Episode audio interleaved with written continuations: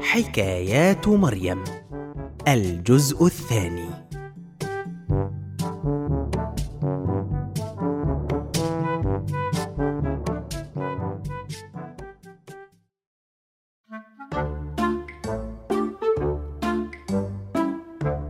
حينما كانت مريم تستعد للقيام إلى النوم أتت أمها هذه المرة لتسألها بعض الأسئلة البسيطة عن الفارق بين أركان الإيمان وأركان الإسلام.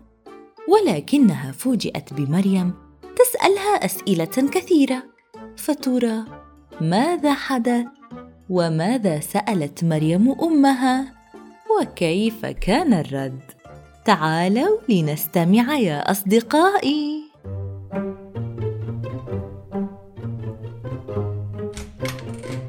مريم هل انتهيت من أداء واجبك؟ آه، نعم يا أمي لقد انتهيت وأستعد للنوم. لا استيقظي معي لأنني أريد أن أسألك سؤالا أختبر فيه قدرتك على الحفظ. يا أمي. هيا هيا قولي لي يا مريم ما هي أركان الإسلام؟ أركان الإسلام شهادة أن لا إله إلا الله وأن محمدا رسول الله وإقامة الصلاة وإيتاء الزكاة وصوم رمضان وحج البيت لمن استطاع إليه سبيلا. وما هي أركان الإيمان؟ أركان الإيمان الإيمان بالله وملائكته وكتبه ورسله واليوم الآخر والقضاء خيره وشره. لقد أذهلتني. حفظتها بسرعة كبيرة وبدقة عالية. ولكنني سوف أسألك سؤالا فكرت فيه وأنا أحفظ أركان الإيمان اليوم. لن أفلت ابدا من أسئلتك. أليس القرآن كتاب الله يا أمي؟ ولا بد أن نؤمن به؟ بالتأكيد يا مريم. لماذا تقولين ذلك؟ فلماذا ليس الإيمان بالقرآن داخل أركان الإيمان؟ بل موجود. فلا بد أن تؤمني بكتب الله كلها. وما هي هذه الكتب؟ القرآن والتوراة والإنجيل. فلماذا ليس القرآن فقط ثم الكتب كلها؟ لأن الإيمان بالقرآن جزء من الإيمان بالكتب. فالقرآن أتى يا حبيبتي ليتم كل ما نصت عليه كتب الله السابقه دون تزييف أو تحريف. وكيف نزل القرآن على الرسول محمد يا أمي؟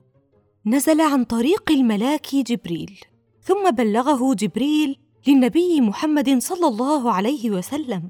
هو كلام الله مثل كل الكتب السماوية التي هي كلام الله ونحن نتعبد بتلاوته ونقرأه في كل صلاة لنتذكر أوامر الله ونواهيه.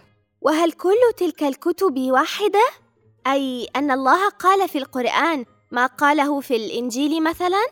كل كتاب منزل لأهل الزمان والمكان الذين نزل فيهم يا حبيبتي ولكن كل هذه الكتب لا بد أن نؤمن بها شريطة أن نتأكد من صحتها والقرآن الكتاب الوحيد الذي تكفل الله بحفظه ولذلك علينا أن نتبعه ففيه كل الأخبار والأنباء الموثوقة عن عصره والعصور التي سبقته. ولماذا لم ينزل الله القرآن من البداية ويتكفل بحفظه أيضا؟ لماذا كل هذه الكتب؟ هذا يا حبيبتي من رحمة الله بالبشر كلهم. فمن غير المعقول أن تطبق قواعد عصر على عصر آخر. البشر يتغيرون والظروف تتغير. وما يصح لزمن قد لا يصح لزمن آخر. فلماذا نعتبر القرآن صالحا لزماننا نحن يا أمي؟ ألم تتغير الأزمنة؟ يا حبيبتي الكتب السابقة أتت تبيينا لكل شيء في المعاملات والأكل والشرب وفي العمل والزواج والكلام والحروب وكل شيء. ولذلك كان لابد ألا تتم المعاملة بها لأهل الأزمنة والأماكن الأخرى. أما القرآن فيضع أسس المعاملات والسلوك والقواعد العامة التي ينبغي ألا نخالفها. ولكن فيما عدا ذلك فقد قال لنا الرسول أنتم أعلم بشؤون دنياكم. طالما لم يحدث تبديل للقرآن وضوابطه ونواهيه فإننا أحرار في كل شيء. لابد أن نلتزم بعدم مخالفة المنهج. ومن بعد ذلك فنحن أحرار تماما. لكن هذا لا يعني أن القرآن ينفي الكتب السابقة. أليس كذلك؟ هو كذلك يا حبيبتي. ورغم أن الكتب الأخرى حرفت ولم يبق من روايتها الصحيحة مئة بالمئة شيء كثير إلا أننا لابد أن نؤمن بها وبنزولها من عند الله وبأن القرآن أتى ليؤكد ما فيها ويكون الكتاب الهادي لنا حتى قيام الساعة. حكايات مريم. قام بأداء الأدوار.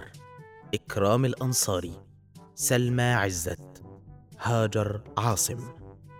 هندسة صوتية. أسماء راشد. سيناريو وحوار وإخراج. أحمد مجدي.